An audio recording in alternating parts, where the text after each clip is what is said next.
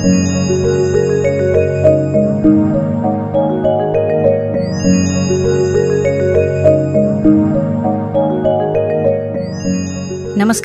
कार्यक्रम कथाकृतिमा तपाईँलाई हार्दिक स्वागत छ। म उर्मिला दनवार। यति बेला मलाई प्रविधिमा सहयोग गरिरहनु भएको छ प्राविधिक मित्र पार्वता खड्काले। कार्यक्रम कथाकृति हरेक हप्ताको बिहिबार राति साढे नौ बजेदेखि दस बजेसम्म आउने गर्दछ। कार्यक्रम कथाकृतिलाई तपाईँ सामुदायिक रेडियो उदयपुर एक सय दुई थुप्रो चार मेगाहर सँगसँगै radio उदयपुरको website W dot radio Udayapur dot ORG dot एनपीबाट पनि प्रत्यक्ष सुन्न सक्नुहुन्छ। अनि मोबाइल एप्स हाम्रो पात्रोबाट पनि तपाईँले कार्यक्रम कथाकृतिलाई सुन्न सक्नुहुन्छ। कार्यक्रम कथाकृतिमा हामीले अमर नेउपानेको गुलाबी उमेर उपन्यास वाचन गर्दै आइरहेका छौं। यस उपन्यासको उन्नाइसौं श्रृङ्खलासम्म वाचन भइसकेको छ। र आजको कार्यक्रम कथाकृतिमा हामीले अमर नेउपानेको गुलाबी उमेर उपन्यासको बिसौं श्रृङ्खला लिएर आएका छौँ। यो उपन्यास वाचन गर्नेछौँ आज बिसौं भाग वाचन गर्नेछौँ। तर कार्यक्रममा उपन्यास वाचन हुनुभन्दा पहिले एउटा गीत राख्छौँ त्यसपछि अमर नेउपानेको गुलाबी उमेर उपन्यासको बिसौं भाग वाचन गर्नेछौँ। रेडियो उदयपुर सुन्दै गर्नुहोला।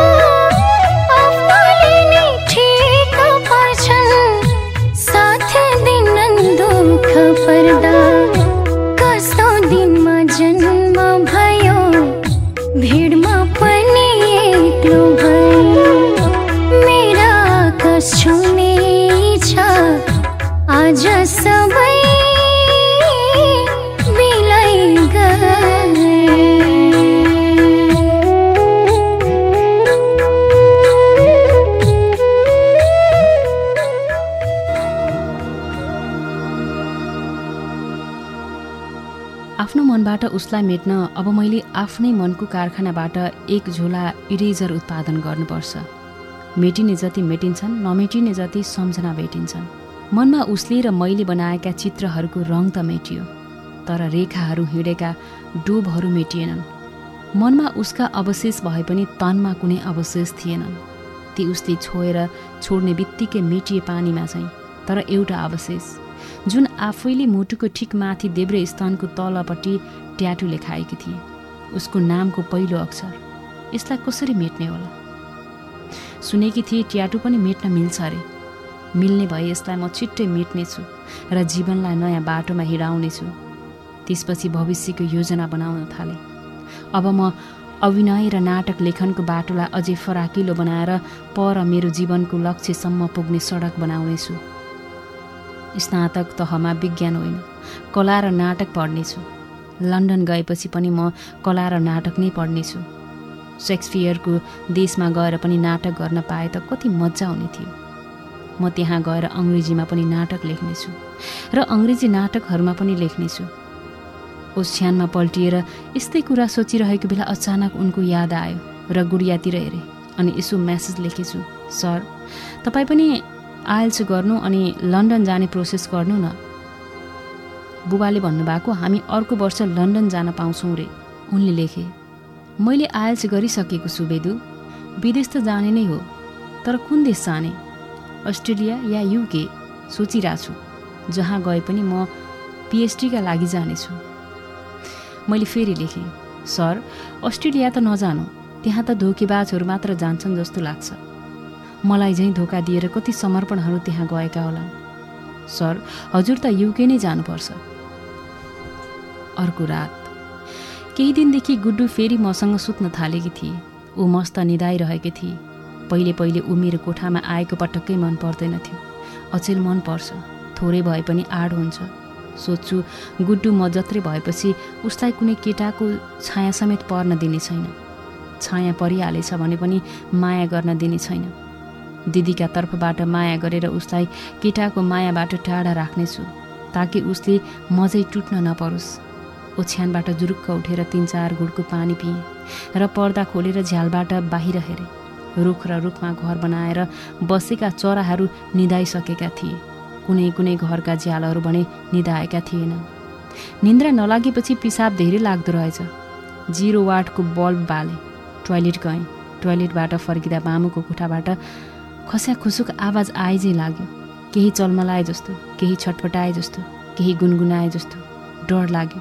कति मामुलाई केही भएर एक्लै छटपटाउँदै बरबराउँदै त गर्नु भएको छैन। एउटा मलले ढोका ढकढक्याउने आदेश दिँदा अर्को मलले अनुमति दिएन। व्यवस्थापूर्वक म आफ्नो कोठामा आएर ढोका लगाएर ओछ्यानमा पल्टिएँ। ओछ्यानमा पल्टिँदा गुडियातिर हेरेँ अनि उनलाई सम्झँदै गुडियालाई काखमा राखेर म्यासेज लेखेँ सर मेरो मन कहिले लेउ जस्तो लाग्छ। जो सभा तिन वर्षसम्म ढुङ्गामा बस्यो। कहिले कमलको फुल जस्तो लाग्छ जो सभा तिन वर्षसम्म हिलोमा फुल्यो। अहिले त म ढुङ्गामा पनि छैन हिलोमा पनि। अहिले त म आफ्नै जिन्दगीबाट खसेर आफ्नै जिन्दगीमा पछारिएकी छु र नयाँ यात्राको तयारीमा लागेकी छु। कुनै के सोचेर हो यो म्यासेज पठाइन तर सेभ गरेर राखेँ।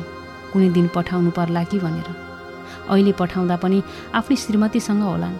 बेकारमा मध्यरातमा आएको यही म्यासेजका कारण उनको सम्बन्ध बिग्रेला भन्ने डर लाग्यो फेरि अर्को म्यासेज लेखेँ। माया नगर्ने मानिसको जुठो खायो भने ओठमा घाउ आउँछ अरे माया गर्ने मानिसको जुठो खाएन भने मनमा घाउ आउँछ अरे पहिले मेरो ओठमा घाउ किन आयो भनेको त उसको जुठो खाएर रहेछ। अहिले मनमा घाउ किन आयो भनेको त तपाईँको जुठो नखाएर रहेछ। यो म्यासेज पनि पठाइन सेभ पनि गरिनँ। छ्या यस्तो म्यासेज त के पठाउनु? आफैले लेखेको म्यासेज पढेर आफैसँग लाज लाग्यो। फेरि अर्को म्यासेज लेखेँ। कहिले त लाग्छ तपाईँकी लिली तपाईँले कल्पना गर्नुभएको सुन्दर परीको नाम मात्र हो। तपाईँकी मनकी मायालु जसलाई तपाईँ बाहिर खोजिरहनु भएको छ। खोज्दै जाँदा तपाईँले ममा लिली देख्नुभयो। तपाईँले अस्ति भेटे भनेको लिली पनि सायद वास्तविक लिली होइन। एउटा कुरा भने पक्का हो। तपाईँ अलि चाँडो जन्मिनु भयो। म अलि ढिलो जन्मिएँ। नत्र त म साँच्चै नै तपाईँकी लिली हुने थिएँ होला। यो म्यासेज पनि पठाइन तर सेभ गरेर राखेँ। फेरि अर्को म्यासेज लेखेँ सर तपाईँ जस्तो पनि हुन सक्नुहुन्छ। मेरो अगाडि म जस्तै भइदिनुहुन्छ। म्यामको अगाडि म्याम जस्तै। अरूहरूको अगाडि अरूहरू जस्तै। तर तपाईँ तेल हो कि पानी? मैले छुट्याउन सकेकी छैन। थिएटरका मानिसले त साँच्चै भनेका हुन् कि नाटक गरिरहेका हुन् छुट्याउनै गाह्रो हुने रहेछ। थिएटरमा अभ्यस्त हुँदै गएपछि अरूहरूलाई म पनि यस्तै लाग्छु होला। यो म्यासेज पनि पठाइन तर सेभ गरेर राखेँ। फेरि अर्को म्यासेज लेखेँ। मलाई कसरी याद गर्नुहुन्छ सर? अनि कुनै परिस्थितिले ठिक यतिखेर म त्यहाँ भएको भए के गर्नुहुन्थ्यो? यो म्यासेज लेख्दा लेख्दै आङ नै सिरिङ्ग भयो। यसलाई चाहिँ डिलिट नै गरिदिएँ। त्यसपछि बल्ल थाहा पाएँ मलाई तिर्खा लागेको रहेछ। दुई गिलास पानी पिएँ र ओछ्यानमा पल्टिएँ। मनमा के के कुरा खेलाउँदा खेलाउँदै लुगै नफेरि निधाएछु। राम्रोसँग ननिदाए फेरि बिउजेँ। पिसाबले बिउज्याएको रहेछ। पिसाब फेरेर फर्किँदा मामुको कोठाबाट सुस्तरी अघिको जस्तै चलमलाहाट र छटपटाहाटको आवाज आइरहेको थियो। फेरि पनि डराए। साँच्चै मामु साह्रै बिरामी त पर्नु भएन फेरि पनि व्यवस्था गरेर मामुको ढोका नढकढक्याई आफ्नो कोठामा आएँ र एक गिलास पानी पिएँ अनि ओछ्यानमा पल्टिएँ। निन्द्रा पटक्कै लागेन। बरु लाग्यो यस्तो बेलामा मैले मामुको ख्याल गर्नुपर्छ तर पनि ओछ्यानबाट उठ्ने तत्परता देखाइन यदि मामुसँग सम्बन्ध राम्रो भएको भए अघि नै उहाँको कोठामा गएर साथ दिने थिएँ उहाँको ख्याल गर्ने थिएँ। घाम नबिउजिँदै बिउजिए। फेरि मलाई पिसाबले नै बिउज्याएको रहेछ। टोयलेट जान पलङबाट आँखा मिच्दै ओर्लिएँ र यसो गोडा तन्काएर ढोकाको चुकुल खोल्न खोजेँ। चुकुल त बाहिर परेर लागेकै रहेनछ टोयलेट जान लाग्दा लिभिङ रुमतिर आँखा पुग्यो अनि मूल ढोकातिर। किनभने मूल ढोकाको एउटा पल्ला अलिकति खुलिरहेको रहेछ। डर लाग्यो कति चोर त आएन। ढोकालाई तलदेखि माथिसम्म हेरेँ चुकुल हेरेँ। ढोकामा कतै कुनै चोटपटकको दागसम्म लागेको थिएन। खुला ढोकाको सगारमा उभिएर डढाएका आँखाहरूले बाहिर परपरसम्म हेरे। बाहिरको अँध्यारो चित्रपटमा हलुका उज्यालो रङ पुतिँदै थियो। मलाई झनै डर लाग्यो। पक्कै पनि राति घरमा चोर आएको हुनुपर्छ र हामीले थाहा नपाउने गरी धेरै थोक चोरेर लगेको हुनुपर्छ। हेर्दा हेर्दै गेट्ने र एउटा अकाल्पनीय दृश्य चित्र देखियो जुन चित्र अरूभन्दा अलिक प्रष्ट देखियो। जति हेर्दै गएँ उति प्रष्ट देख्दै गएँ। आँखाको भ्रम हो कि भनेर भ्रम हटाउन बारम्बार आँखा मिचेर हेरेँ। झन् प्रष्ट भएर पो देखिँदै गयो आँखामा बाँकी रहेको निन्द्रा त कता गयो कता? निन्द्रा नै बिथुलिने गरी च्यापेको पिसाब पनि बिर्सिएँ सास फेर्न पनि बिर्सिएछु जस्तो लाग्यो। तर फोक्सोको स्मरण शक्ति मान्छेको जस्तो कमजोर कहाँ हुन्छ र?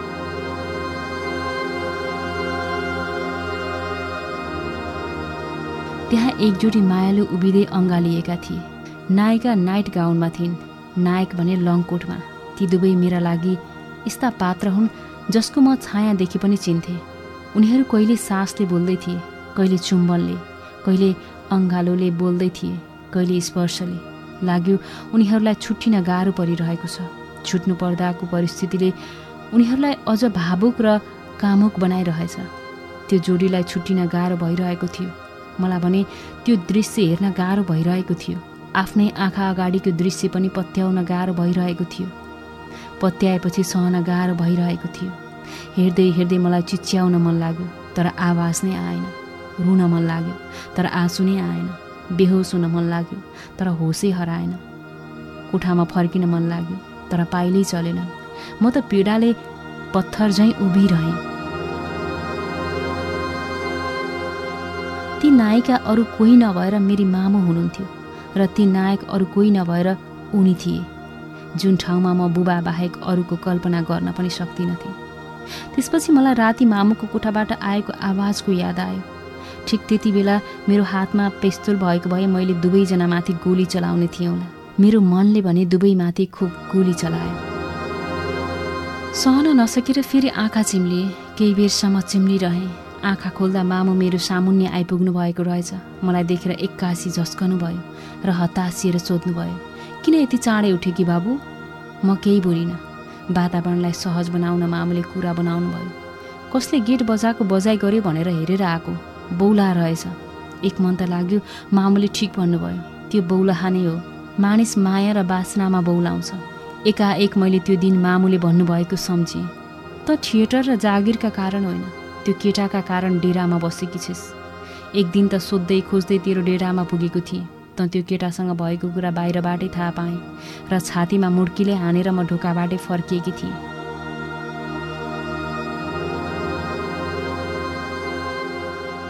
एक्कासी मलाई मामुसँग बदला लिन मन लाग्यो र भन्न मन लाग्यो तपाईँ बुबालाई माया गर्नुहुन्न त्यो हम्बर्टलाई माया गर्नुहुन्छ त्यो लेडी किलरलाई माया गर्नुहुन्छ राति तपाईँको छटपटाहाट सुनेपछि केही भयो कि भनेर धेरै पटक तपाईँको ढोकामा पुगेको थिएँ।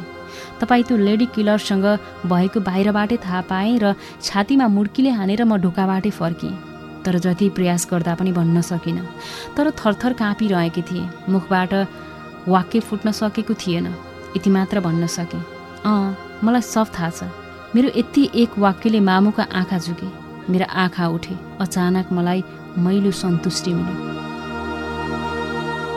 बिहानै उनले बारम्बार फोन गरे उठाइन म्यासेज पनि गरे उत्तर दिइन।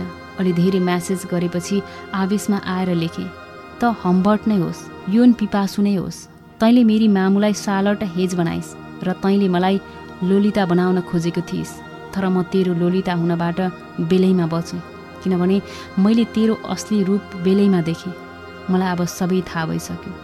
You're a lady killer. त्यसपछि मैले फोन अफ गरिदिएँ। फेसबुक त अस्ति नै डिएक्टिभ गरिसकेकी थिएँ। एक्कासी लाग्यो त्यो दिन मैले उनलाई नसम्झनु पर्थ्यो। सम्झिए पनि नसा काट्न सक्नु पर्थ्यो। यदि काटेको भए आज यो दिन देख्नु पर्ने थिएन। अब म आफूलाई बिसाउन कहाँ जाउँ आफूलाई रित्याउन कहाँ जाउँ फेरि पनि मलाई यो जीवन सिद्ध्याउन मन लाग्यो। घाम उकालो लाग्दै थियो मेरो मन बने ओह्रालो। छटपट्टिले एकछिन पनि घर बस्न मन लागेन। र घरमा केही नभने स्कुटी लिएर म यत्तिकै कुदेँ। कुद्दा कुदै भक्तपुर दरबार स्क्वायर पो पुगेछु। एकछिन यसै अल्मलिएर एउटा रेस्टुरेन्टमा छिरेँ। बिहानै भएर होला। रेस्टुरेन्ट सुनसान थियो। एकान्तमा कफी पिउँदै टोलाएर बसिरहेँ। यत्तिकै मोबाइल अन गरेँ। अन गर्न साथ बुबाको फोन आयो। बाबु तिमीले फोन किन अफ गरेको? म्यासेन्जर पनि खोलेकी छैनौ। फेसबुक पनि डिएक्टिभ छ।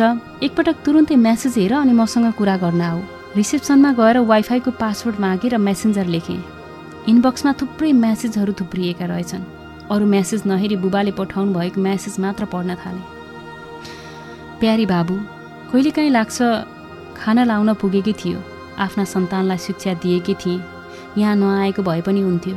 नआएको भए कमसेकम तिमीहरू आफ्नै आँखा अगाडि हुने थियो। जे जस्तो भए पनि मलाई ढुक्क हुने थियो। र तिमीले यति धेरै बाटो बिराउने थिएनौ।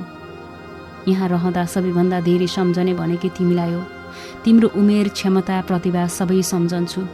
ती सबै नदी चाहिँ बगिरहे जस्तो लाग्छ। नदी त बगेर सकिँदैन तर उमेर क्षमता प्रतिभाहरू बगेर सकिन्छन्। लाग्छ अहिले तिमीसँग जीवनभरिकै सबैभन्दा तेजिला आँखा छन्। चलाख कान छन् बलिया हातखुट्टा छन् आँटिलो मुटु छ सुन्दर रूप छ। तीक्ष्ण मस्तिष्क छ र तरल मन छ। तिम्रो मन अहिले जति चञ्चल र आकारहीन अब कहिले हुने छैन। हो तिम्रो उमेरको यो उडानलाई कसरी सुरक्षित अवतरण गराउने भन्नेबारे म सोचिरहन्छु। तिमी भित्रको आवेगले तिम्रो यो उमेरको उडानलाई कुनै दुर्घटनामा त पर्ने होइन भनेर डर लागिरहन्छ। आफ्नो ख्याल गर्नु। बाबुको बुबा। बुबाले लेख्नुभएका यी कुराहरूले मलाई पानी चाहिँ रुजायो र अनुभवले चाहिँ बुझायो। आफैलाई रुझाएर बग्दै बग्दै गएको पानीलाई मैले मनको अन्जुलीले उठाएर सोचेँ बुबाले यति भावुक भएर यस्तो कुरा किन लेख्नुभयो? प्रत्युत्तरमा यति मात्र लेखेँ बुबा मेरो बारेमा केही चिन्ता नलिनुहोला आफ्ना कारण म हजुरलाई कहिले दुखी बनाउन चाहन्न। मैले पनि सबैभन्दा धेरै सम्झने भनेको हजुरलाई नै हो। हामीले खाइसकेको बेलामा तपाईँ भोकै काम गरिरहनु भएको होला। हामी सुतिरहेको बेलामा पनि तपाईँ अनिदो हुँदै काम गरिरहनु भएको होला जस्तो लाग्छ। म हजुरलाई सधैँ खुसी बनाउन चाहन्छु। साँच्चै बुबा मामुले त अचेल मलाई माया गर्नुहुन्न। मामुको कुरा नपत्याउनु होला मामुले भने चाहिँ म बिग्रेकी पनि छैन। टाढाबाट भए पनि तपाईँले गर्नुभएको माया र सम्झनाले मलाई कहिल्यै बिग्रन दिने छैन। बुबाको बाबु। त्यसपछि बुबा भिडियो च्याटमा आइहाल्नुभयो। हेडफोन लगाएर क्याबिनमै बसेँ। बुबाले भन्नुभयो बाबु तिम्रो बारेमा मलाई चिन्ता लागिरहेछ। किन र बुबा? तिमीले हिँडेको बाटोले तिमीलाई सही ठाउँमा लैजाँदै छैन। होइन बुबा म सही बाटोमा हिँडिरहेछु। तिमी ढाँट्ने पनि भइछौ। तिमी पहिले जस्तो छैनौ रे। तिम्रो मामुले मलाई सबै थोक भनिसकेकी छ। घरलाई घर जस्तो बनाऊ। जुन केटासँग तिम्रो अफेयर छ त्यो केटा त्यही तिमीलाई दुःख दिने केटा भएको पनि मैले थाहा पाएँ। यो थाहा पाएर मलाई आजसम्मकै सबैभन्दा बढी चित्त दुखेको छ। तिमीले तिन वर्षदेखि आफ्नै बुबालाई पनि कसरी ढाँटिरहन सक्यो? यो तिम्रो उमेरको उडान र यौवनको आवेश मात्र हो। तिम्रो चाल देखेर म एकदम दुखी छु बाबु। म तिम्रै भविष्यका लागि तिमीहरूबाट टाढा रहेर यहाँ दुःख गरिरहेछु तिमी भने त्यस्तो गलत काम गर्ने? म यस्तो सुन्न सक्दिनँ बाबु। बुबाको कुरा सुनेर बुबासँग कति पनि रिस उठेन। मामुसँग भने यति धेरै रिस उठ्यो कि फेरि बदला लिन मन लाग्यो र उहाँका सबै सेक्रेट बुबालाई भन्न तयार भएँ। बुबा म गलत होइन। मामु गलत हो। मामुले तपाईँलाई झुटो कुरा सुनाउनु भएको हो। मैले तपाईँहरूलाई धोका दिएकी छैन। मामुले हामी सबैलाई धोका दिनुभएको छ। सबैभन्दा बढी तपाईँलाई धोका दिनुभएको छ। तर मुखसम्म आएर पनि भन्न सकिनँ। आफूलाई सम्हालेर मैले यति मात्र भने। यो सब गलत हो बुबा। अलिकति तिमीले ढाँटे पनि तिम्रो आँखा र अनुहारले सही भनिरहेछ। तिम्रो बोली र व्यवहार परिवर्तन भए पनि तिम्रो आँखा र अनुहार अझै उही निर्दोषपन बाँचेकै छ। जुन म यो सिसाको पर्दाबाट पनि पढिरहेछु त्यसपछि मैले बोलेको झुट देखाउने मेरो अनुहार र आँखा बुबालाई देखाउनै मन लागेन। एक्कासी भिडियो च्याट अफ गरिदिएँ। पहिले निधाइसकेको बदला पनि जागेर आयो। अहिलेको आवेशसँग जोडियो। दुई ससाना खोला मिसिएर नदी भए चाहिँ म भित्र बदलाको नदी बग्न थाल्यो तर त्यो नदीको पानी फोहोर थियो। पहिलेदेखिकै रिस पनि यही रिसमा मिसिँदा रिस एकदम बलियो भयो। मभन्दा बलियो भएको मेरो रिस पहलमान चाहिँ जुरुक्क उठ्यो। र आफ्नो दादागिरी देखाउन थाल्यो। मनमनै अठुट गरेँ जसरी पनि मामुसँग म बदला लिएरै छोड्छु। उहाँले बुबालाई मेरो कुरा लगाउनु हुँदा मैले उहाँको कुरा बुबालाई लगाउनु किन नहुने? त्यसपछि उहाँलाई थाहा हुनेछ। आफ्नो गोप्य कुरा अरूलाई लगाउँदा कस्तो हुँदो रहेछ। सहनै नसकेर बुबालाई मामुका सिक्रेट भन्न भिडियो च्याट अन गर्न खोज्दा बुबा आफैले फेरि कल गर्नुभयो। जति बोल्न खोजे पनि स्ट्रिया र इखका कारण आँखाबाट आगो निकाल्न खोज्दा आँसु आइरह्यो। बुबाले मेरो अनुहार असामान्य जस्तो देखेर सोध्नुभयो के भो बाबु? भन्नका लागि भूमिका बाँधे। एउटा कुरा भन्नु छ बाबा। भन न त बाबु के कुरा हो मामुको बारेमा?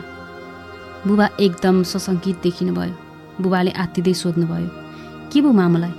सन्चो भएन हो? कि अरू नै केही भयो?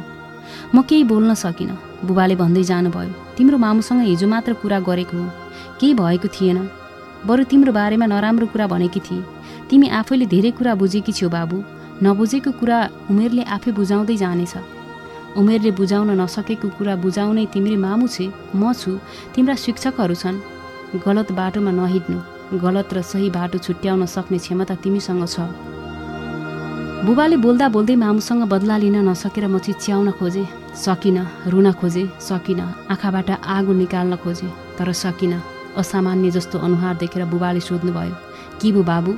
धेरै समयदेखि मेरो मनोगर्भमा गाँठो भएर बढ्दै बसेको बदला मेरो मुखबाट एक्कासी विस्फोट भयो। मामुको बोयफ्रेन्ड छ बुबा। मैले यस्तो भनेपछि एकछिन वातावरण चकमन्न भयो। त्यसपछि बदला खित्का छोडेर हाँस्न थाल्यो। लाग्यो मानिस जन्मिने बित्तिकै रुन्छ।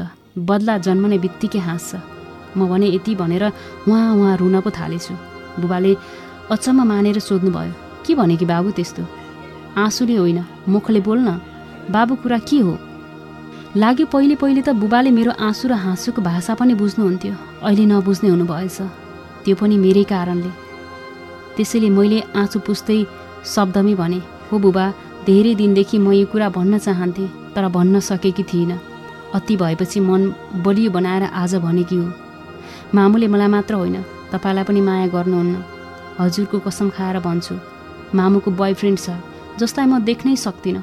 त्यो ठाउँमा म हजुरबाहेक संसारको कुनै पनि लोग्ने मान्छेलाई देख्न सक्दिनँ। बुबा तिर्मिराउनु भयो अनि बाबु मैले हिक्का छोड्दै भन्दै गएँ त्यो बेला बेलामा हाम्रो घरमा आउँछ। राति पनि आउँछ र उज्यालो नहुँदै उठेर जान्छ।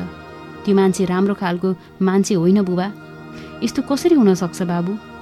भइसक्यो बुबा। भगवान्को र हजुरको कसम खाएर भन्छु। भइसक्यो। उज्यालो नहुँदै हाम्रो घरबाट त्यो मान्छे गएको मैले नै देखेकी छु। यिनै रोइरहेका आँखाले देखेको छ।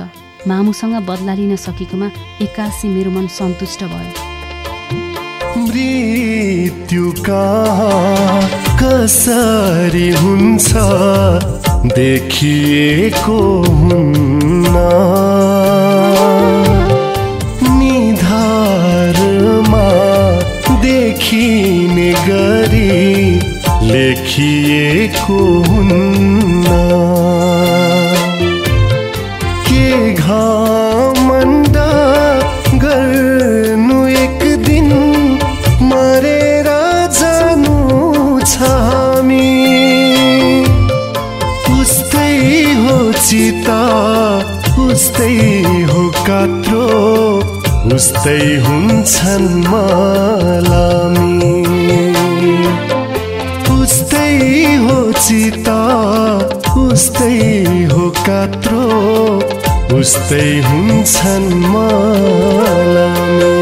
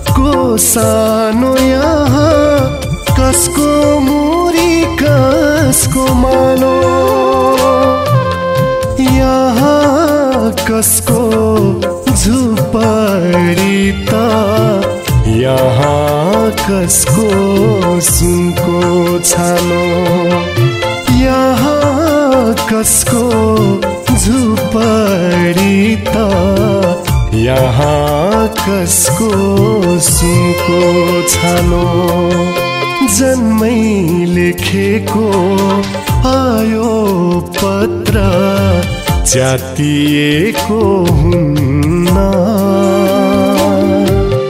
भाग्यमा जे छ। तपाईँ सुन्दै हुनुहुन्छ सामुदायिक रेडियो उदयपुर एक सय दुई थुप्रो चार मेगा हर्जमा कार्यक्रम कथाकृति। त्यसै गरी radio उदयपुरको website W W dot radio Udayapur dot ORG dot एनपीबाट पनि प्रत्यक्ष सुनिरहनु भएको छ। आज हामीले अमर नेउपानेको गुलाबी उमेर उपन्यासको बिसौँ श्रृङ्खला वाचन गऱ्यौँ। यो कार्यक्रम सुनिरहँदा तपाईँलाई कस्तो लागिरहेको छ? कृपया सल्लाह सुझाव र प्रतिक्रिया पठाउन नभुल्नुहोला। तपाईँले आफ्नो सल्लाह सुझाव र प्रतिक्रियाहरू पठाउनको लागि रेडियो उदयपुर एक सय दुई थुप्रो चार मेगा हर्जमा तपाईँले पत्र पठाउन सक्नुहुनेछ। साथसाथै तपाईँले चाहिँ रेडियो उदयपुरको इमेल ठेगानामा पनि तपाईँले मेल पठाउन सक्नुहुनेछ। रेडियो उदयपुरको इमेल ठेगाना रहेको छ आरएडिआइओ युडिएवाइएपियुआर radio Udaipur at the rate Gmail dot कम यसमा पनि तपाईँले इमेल गर्न सक्नुहुनेछ। र त्यसै गरी तपाईँले फोन गरेर अन्ठानब्बे पाँच अठाइस पैँतिस तिन सय तिसमा फोन गरेर पनि आफ्नो सल्लाह सुझावहरू राख्न सक्नुहुन्छ। हवस् त तपाईँको सल्लाह सुझावको अपेक्षा गर्दै अर्को हप्ता अमर नेउपानेको गुलाबी उमेर उपन्यासको एक्काइसौँ भाग लिएर उपस्थित हुने नै छौँ। अन्त्यमा कार्यक्रम कथाकृति सुनेर साथ दिनुभयो। तपाईँलाई धेरै धेरै धन्यवाद। धन्यवाद प्रविधिमा साथ दिनुहुने प्राविधिक मित्र पार्वता खड्कालाई पनि भन्दै कार्यक्रम कथाकृतिबाट म उर्मिला दनवार बिदा हुन्छु। नमस्कार।